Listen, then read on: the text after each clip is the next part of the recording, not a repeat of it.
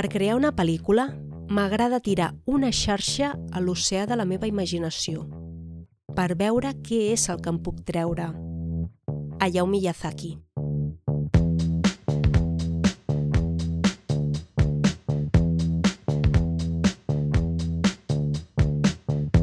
La Guerra Civil va aturar-ho tot, fins i tot la producció cinematogràfica.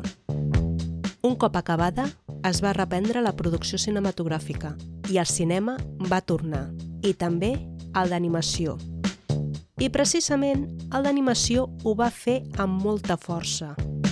S'iniciava així el que es denomina l'època daurada del cinema d'animació a Espanya. Malauradament, aquest període va durar molt poquet, però en destaquen dos dels millors llargmetratges d'animació de la història del cinema a Espanya. Saps quins poden ser? Llums, càmera, acció.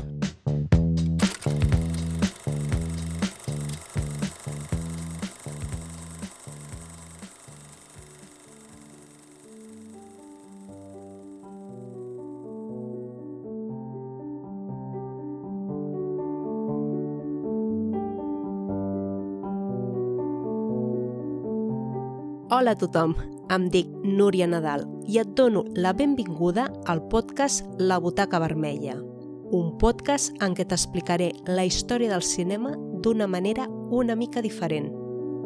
L'episodi d'avui el dedicaré al cinema d'animació i parlaré de dos dels films més representatius de la dècada dels anys 40, unes pel·lícules que se situen dins del que es denomina la primera edat d'or del cinema d'animació a Espanya. Curiosament, aquesta època de la major esplendor del cinema d'animació va arribar just després del final de la Guerra Civil Espanyola.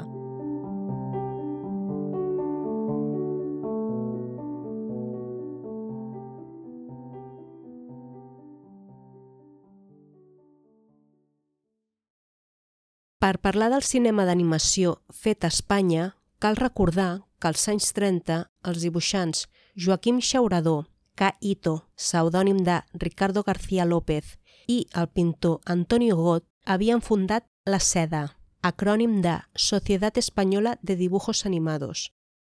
Aquest era el primer intent industrial a Espanya per produir cinema d'animació. La SEDA va produir quatre pel·lícules als anys 30, un drama en la costa, El rata primero, Francisca, la mujer fatal i Serenata. Paral·lelament, el cinema d'animació també incorporava la novetat del moment, el cinema sonor, i ho feia amb La nòvia de Juan Simón, de José Martínez Romano, que és considerada la primera pel·lícula d'animació sonora espanyola. A més, sortien a la llum les primeres pel·lícules d'animació mitjançant la tècnica de l'stop motion, com Arte, Amor i Estacazos, de Pablo Béjar i Miguel Ramos, Pipo i Pipa en busca de Cocolín, de Alfonso Aznar.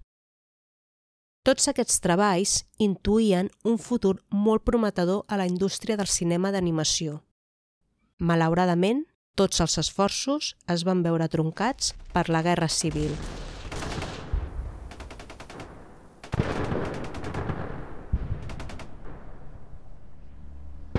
Un cop finalitzada la Guerra Civil, el cinema d'animació va tornar i ho va fer amb molta força. S'iniciava així un període que es denomina l'època daurada del cinema d'animació. Aquest període s'allarga des del 1942 fins al 1951. De tota aquesta producció en destaquen dos germetratges molt especials. Dos germetratges que es van fer a Barcelona, Garbancito de la Mancha i Érase una vez.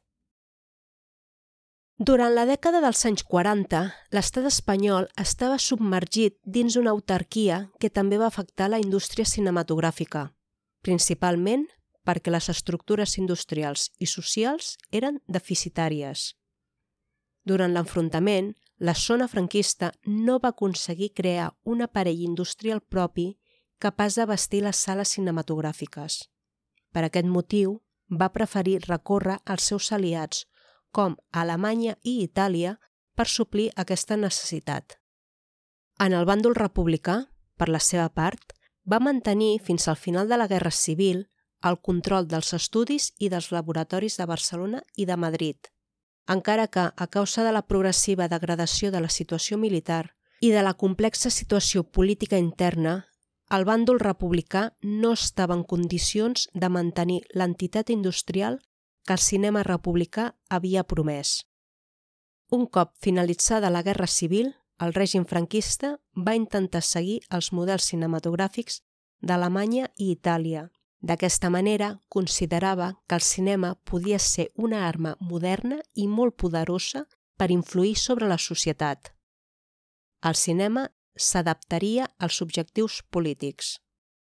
D'aquesta manera, la intervenció del règim franquista va consistir a instaurar una nova indústria cinematogràfica i aplicar dues formes de control, la repressió i la protecció. Aquests dos punts van prendre cos en un complex entramat burocràtic del qual formaven part ministeris, sindicats i organismes falangistes, militars i eclesiàstics. Tot aquest entramat aniria fluctuant al ritme de la dictadura i també de la situació política internacional. La producció cinematogràfica nacional es va afavorir per aquesta política proteccionista del govern, una política que buscava la forma d'autoproduir pel·lícules a conseqüència de l'aïllament internacional del règim. No era cap novetat, simplement aquesta pràctica imitava les tàctiques vigents en altres dictadures com l'alemanya o la italiana. I amb aquest nivell de protecció no era necessari dependre de les importacions o bé es podien reduir al mínim. En el cas d'Espanya, a més, es va introduir un estricte control amb la compra de materials necessaris per fer pel·lícules. És a dir, hi havia control per comprar pel·lícula impressionada, però també per comprar pel·lícula verge, les tecnologies i tots aquells elements essencials per la indústria cinematogràfica. Una limitació que, sincerament, no és gens estrany, tenint en compte quin tipus de control exercia la dictadura. Sense anar més lluny, el material per fer les pel·lícules, la pel·lícula verge, s'havia d'importar i totes les produccions dels anys 40 nacionals van tenir problemes per aquest motiu. No serà fins a finals dels anys 40 que es comencen a establir les primeres fàbriques a Espanya. El resultat de la política proteccionista era que no es podien importar films estrangers. A petició dels productors es va firmar aquest pacte proteccionista que consistia, efectivament, en reduir les importacions. Però, en canvi, es potenciarien les exportacions de films produïts a Espanya. Aquest pacte oferia als productors transferències de capital directe a través dels permisos d'importació, crèdits i premis o bé, de forma indirecta, a través de la quota de pantalla. Dit d'una altra manera, les productores havien de fer pel·lícules per poder importar i exhibir films estrangers. Durant la dictadura franquista, la censura va exercir un control absolut sobre les pel·lícules que s'estrenaven a Espanya, una censura que també s'aplicava a les estrangeres. Entre les seves tasques hi havia la de revisar els guions de les produccions nacionals internacionals, concedir permisos de rodatge, llicències d'exhibició i qualificar les pel·lícules per edats.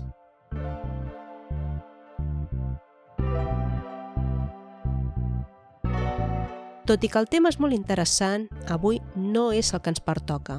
Si t'agradaria que parlés en un altre capítol sobre la Junta Superior de Orientación Cinematográfica i la resta de l'entramat burocràtic per saber com funcionava la censura a Espanya, recorda que al lloc web labutacavermella.cat barra idees pots votar i proposar temes pels pròxims episodis.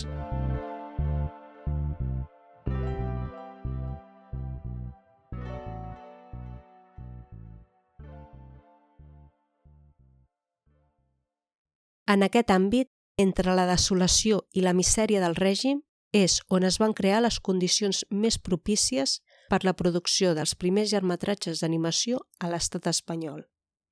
La productora Ballet i Blai tindrà un paper molt destacat, però també als Estudios Animados Chamartín.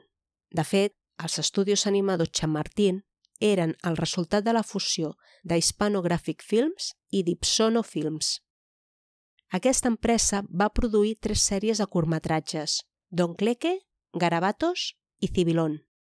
Els estudis animados Chamartín no tenen res a veure amb els estudis cinematogràficos Chamartín. Els primers eren un estudi d'animació ubicat a Barcelona i els segons uns estudis cinematogràfics, que van inaugurar-se el 17 d'abril de 1941 a Madrid. I no ens oblidarem d'Estudios Animados Chamartín. En tornarem a parlar d'aquí uns minuts. Al 1943, els empresaris Ramon Balet i José María Blay van proposar al dibuixant valencià Arturo Moreno la possibilitat de realitzar un llargmetratge de dibuixos animats. Aquesta proposta va venir després de veure el curtmetratge del mateix director valencià titulat El capitán tormentoso. Moreno de seguida va acceptar l'encàrrec, tot i que no disposava de cap estudi d'animació. Una decisió molt admirable per cadascuna de les parts del projecte. Ballet i Blay va ser la única productora del continent europeu decidida a seguir els mateixos passos que el que havia fet la indústria nord-americana en el mateix camp. Moreno de seguida va acceptar l'encàrrec, però no disposava de cap estudi d'animació ni el personal qualificat i, per l'altra part, la productora Ballet i Blay tampoc disposava de la infraestructura necessària. Per què aquest interès en fer una pel·lícula d'animació si no hi ha els elements necessaris per fer-ho? Doncs la solució és, bàsicament, el que t'he explicat a principi d'aquest episodi. Josep Maria Blai sabia que pel fet de produir un llargmetratge d'animació tindria l'oportunitat de rebre un bon nombre de permisos d'importació. Uns permisos d'importació que servirien per exhibir films estrangers. Una compensació que formava part de totes les polítiques d'incentivació a la producció cinematogràfica del govern franquista i que, anteriorment, ja t'he mencionat. A més, sobre paper, produir una pel·lícula d'animació, encara que no es tingués cap estudi d'animació amb professionals del sector, havia de ser molt més econòmic que no pas un llargmetratge de ficció. D'aquesta manera, és com es va iniciar el rodatge del primer llargmetratge d'animació a Espanya, Garbancito de la Mancha. A més, també era el primer en color de tota Europa. Garbancito de la Mancha es basa en el conte editat el 1943 per Julián P. Martín, en què s'explicava la història de Garbancito, un nen orfe que viu en un poble sotmès contínuament per tres nois, Manazas, Pelanes i Pajarón. Un dia s'anuncia l'arribada del gegant Caramanca, que segresta els dos amics de Garbancito, Kiriki i Chirili. Per rescatar els seus amics, Garbancito comptarà amb l'ajuda de la seva cabreta peregrina, una espassa i el poder que li concedeix la fada madrina. Garbancito podrà convertir-se en un cigró sempre que ho desitgi. El fet que P. Martín fos falangista i estigués molt ben vist pel règim assegurava l'èxit que podria tenir el film. Els valors tradicionals que impregnava el llibre original van quedar força maquillats en el film gràcies a l'adaptació dels guionistes i els diversos gags visuals que matissaven una mica el missatge reaccionari del conte. Malgrat tots els contratemps que es van produir al llarg de la producció i l'enorme cost final de la pel·lícula, Garbancito de la Mancha es va poder finalizar. Se ha terminado en Barcelona la primera película de dibujos de largometraje en color que se realiza en España. La música de la misma se debe al popular maestro Guerrero, que está recibiendo gran número de felicitaciones. Garbancito de la Mancha es el título de la nueva cinta y representa una gran labor de meses y la perfecta compenetración de muchos de los elementos que han colaborado en su creación. Esta película honra a la cinematografía nacional, por cuanto corresponde a nuestro país el honor de haber sido el primero de Europa que ha realizado una producción de dibujos animados en color. La Vanguardia, dissabte 28 de juny de 1945. La pel·lícula es va estrenar el 23 de novembre de 1945 al Cinema Fèmina de Barcelona i al Palacio de la Música de Madrid el 13 de maig de 1946. L'èxit de Garbancito de la Mancha va ser enorme. Un singular acierto ha presidido la entrada del cine español en el maravilloso territorio de los dibujos animados. Garbancito de la Mancha procura la originalidad por encima de todo. No tiene ningún parecido con lo que hasta ahora habíamos conocido. Todas las figuras están concebidas con sentimientos y con lápiz españoles, y acaso en ello resida su mayor mérito. No podíamos imaginar que la técnica de los dibujos animados, prácticamente desconocida en España, llegase a la cima de perfección tal y como ha llegado en la primera producción de este tipo. Sáenz Herrero a la Vanguardia, dissabte 24 de novembre de 1945.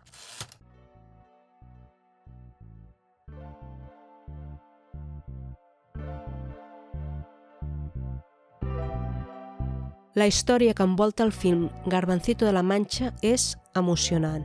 De fet, es mereix un capítol sencer per parlar de tot el procés de producció. Si tens ganes de saber com es va escollir l'equip de dibuixants o quins van ser els contratemps que es van trobar al llarg de la producció i com s'ho van fer per aconseguir finalitzar-la i t'agradaria que t'ho expliqués, recorda que al lloc web labutacavermella.cat barra idees pots votar i proposar temes pels propers episodis.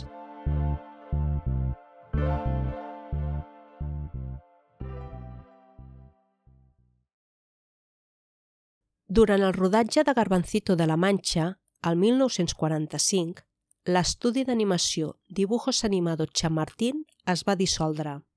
Els germans Bagunyà, juntament amb Josep Benet, van crear la productora Estela Films per realitzar llargmetratges d'animació en color.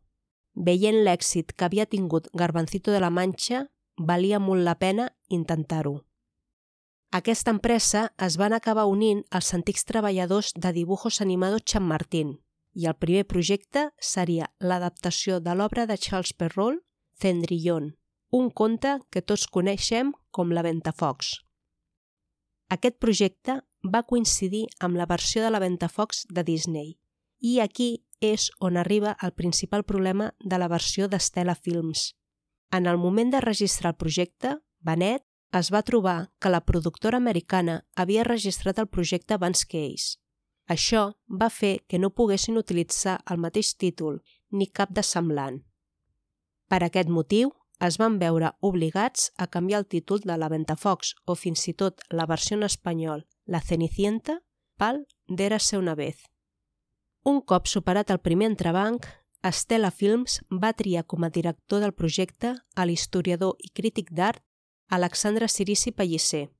Josep Benet el va escollir per la seva formació artística, ja que havia estudiat arqueologia i història de l'art. El director d'animació va ser Josep Escobar, el creador de Carpanta i Zipi Zape, i també l'inventor del cinema Scop. Era clar que Escobar tenia una àmplia experiència en el camp de l'animació. Tant Alexandre Cirici Pellicer com José Escobar es van encarregar del guió. Érase una vez explica la història d'un comte i de la seva filla que viuen al castell d'Aubanel. La jove comtessa, per la seva gran bellesa i bondat, és estimada per tots els seus vassalls. El comte, que és vidu, decideix casar-se amb una altra vídua que ja té dues filles. A partir del moment en què el pare falta, la madrasta i les germanastres de la jove comtessa comencen a maltractar-la. De fet, Era ser una vez va una miqueta més enllà d'explicar el conte de la Ventafocs. A més, també posa de manifest elements artístics catalans.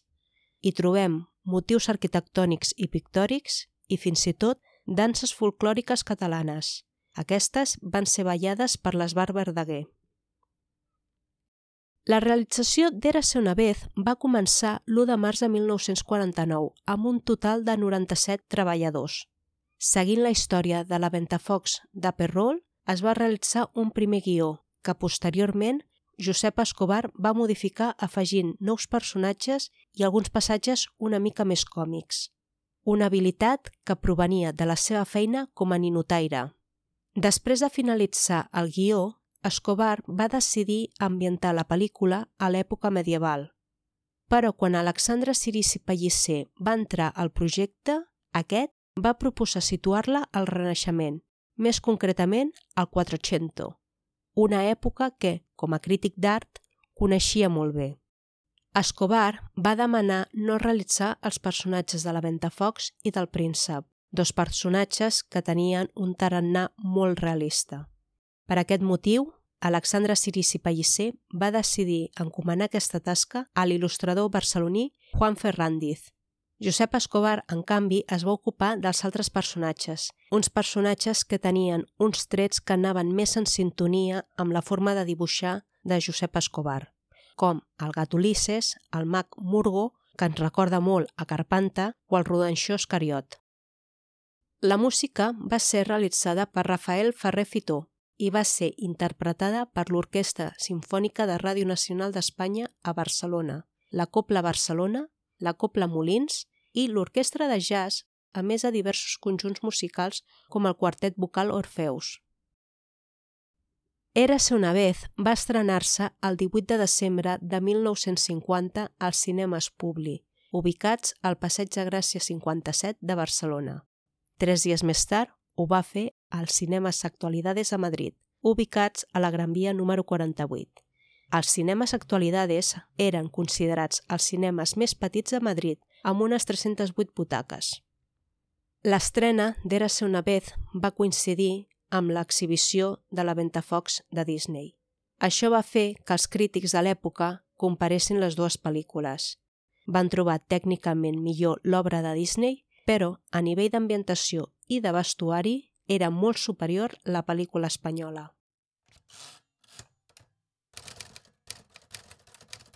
Hay un dicho que afirma, de buenas intenciones está empedrado el infierno. No es nuevo, desde luego, pero en cambio resulta muy expresivo y aplicable a la película de dibujos animados en color Érase una vez, estrenada ayer en Actualidades todo un impulso encaminado a la emulación de una empresa noble y artística por el esfuerzo que supone. Pero eso no quiere decir que, si no se ha alcanzado cuanto menos un nivel de discreción, haya de presentarse al público como una realización digna de ser exhibida. En el género que aludimos, Walt Disney, creador de todo un orbe mágico, insuperado hasta el momento, es, desde hace años, el gran maestro y tratar de imitarle sin poseer su genio y sus medios técnicos, hemos de juzgarlo en vano empeño. Érase una vez es puro mimetismo balbuciente. Se evidencia en la cinta una torpeza en los dibujos, la deficiencia del colorido, siempre borroso, la falta de perspectivas en los paisajes, a más de que a cada animalito y cada personaje son remiscentes a todas luces. Por añadir, se incrustan, como en aquella maravilla titulada Los tres caballeros, figuras humanas, reales, que aquí se introduce, más valiera que hubiese brillado por su ausencia. Por otra parte, la trama, que es una adaptación de la Cenicienta de Perrol, se desarrolla con morosidad fatigosa, aunque haya ideas que, con la adecuada realización, hubiesen podido resultar felices, la de los fantasmas y la de los caballos enloquecidos por un hechizo. En consecuencia, lo aconsejable a los señores Sirisi Pallisé y José Escobar, director artístico y director de animación, respectivamente, sería que trabajasen sin desmayo, si tienen fe en sí mismos, pero hasta no lograr unos resultados positivos, que no difundiesen sus producciones por las pantallas, porque con ello, sin el grado exigible de madurez, nada sale ganando en nuestro cine. Diari ABC, divendres 22 de desembre de 1950. Tot i així, la pel·lícula va aconseguir una menció d'honor a la oncena mostra cinematogràfica de la Bienal de Venècia i va ser declarada d'interès nacional pel Sindicat Nacional de l'Espectacle. Però tot i això, Estela Films mai va recuperar tot el capital invertit i va comportar la dissolució de l'equip. El poc èxit que va tenir en el seu moment Era una vez va fer que només hagi sobreviscut una còpia en blanc i negre en 16 mil·límetres, una còpia que actualment es conserva a la Filmoteca de Catalunya. Ja fa temps que s'està treballant per reintroduir el color de forma digital i està previst que al llarg d'aquest 2022 es pugui gaudir d'Era una vez de la mateixa forma que es va poder veure en el seu moment de l'estrena, a tot color.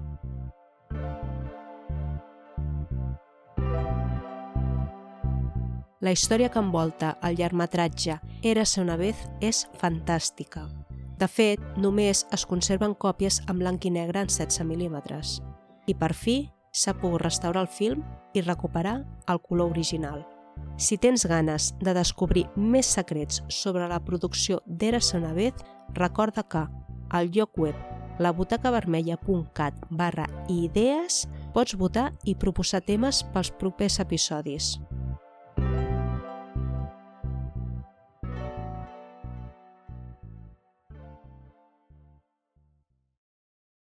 La Guerra Civil va aturar la producció cinematogràfica, però un cop acabada, el cinema d'animació va agafar una embrancida brutal, iniciant així el que es denomina l'època daurada del cinema d'animació.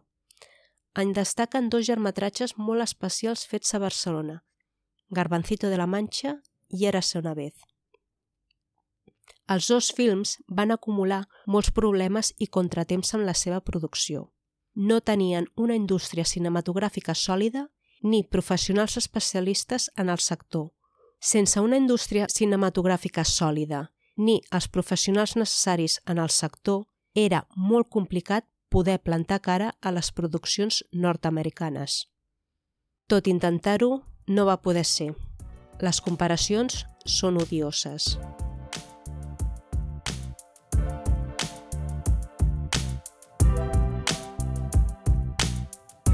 I fins aquí aquest episodi de la Butaca Vermella, en què he parlat de l'època daurada del cinema d'animació a Espanya. Espero que hagi estat interessant. Si t'ha agradat, no t'oblidis de marcar amb 5 estrelles o la màxima valoració a Spotify o a iVox o a la plataforma en què estiguis escoltant aquest episodi. Moltes gràcies per escoltar-me i per estar a l'altra banda.